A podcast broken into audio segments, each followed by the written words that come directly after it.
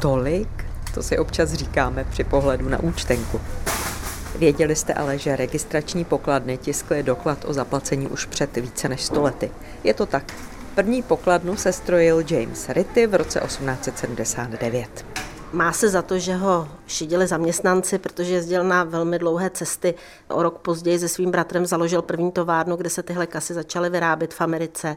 Měli dvě řady knoflíků, jednu na centy, druhou na dolary, kliku, zamykatelný šuplík na peníze a okénko, kde zákazník viděl, kolik má zaplatit.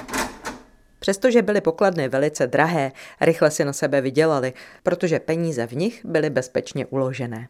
Prý to bylo drahé jako dům nebo jako auto, takže si to mohli dovolit opravdu jenom velice významní obchodníci, hotely třeba, hotelové restaurace úplně té nejvyšší úrovně. Pokladny byly krásné, úplná umělecká díla, jako ta, u které v Antiku Alma v Praze stojím s viceprezidentkou Asociace starožitníků Simonou Šustkovou. Ty první kasy na těch hodně bylo vidět eh, vliv eh, Artunova, čili secese, byly krásně zdobené, ty nejlevnější bývaly dřevěné, pak se dělaly lité železné a niklovalo se to a dokonce se na ty plošky, kam se odkládaly peníze, používal, vozil z Itálie mramor. Tenhle mramor totiž vydá zvláštní cinknutí, když na něj dopadne zlatá mince. A na ty měly pokladny uzamykatelný foch. Bronzové pokladny se taky hojně vyráběly, ale za první světové války bylo bronzu potřeba na kanóny. Postupem času se pokladny staly běžnou součástí lepších provozoven.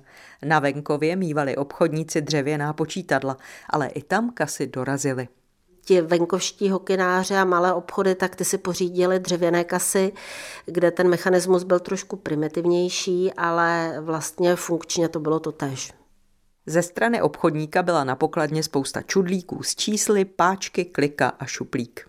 To se, eh, to se vždycky tadyhle tou kličkou jako dojelo k té částce.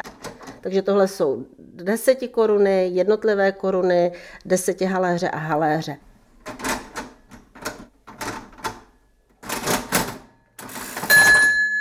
A cink. Takže pokud by někdo třeba do té kasy chtěl jít a sebrat peníze, tak by ho prozradilo to, že cinknul. I u nás se pokladny vyráběly, ale jen chvíli a jen malý počet kusů. Bylo to v Žadci před rokem 1900. Pak už se na různých místech země vyráběly jenom díly. Hodně právě těch dílů, třeba ty dřevěné eh, kasičky, potom i části těch mechanik se tady u nás dělaly v takových manufakturách a vlastně vozilo se to do Německa, do Rakouska, kde se to tedy finalizovalo. Stěhovat tuhle vaši krásku kvůli focení asi nikam nebudeme, vidíte. No, to bych nerada, abychom to my dvě spolu stěhovali, protože ty kasy váží kolem 50-60 kg. Některé prý měly i 120 kg a víc. A tady se pokladna Anker z roku 1920 používá dodnes. Eh, všichni mají rádi a eh, prodavači do ní ukládají peníze doteď, ukládají do ní paragony i peníze a cinkají. Takže vlastně já, i když jsem na druhé straně obchodu, tak když cinkne, tak si říkám, aha, někdo asi něco koupil.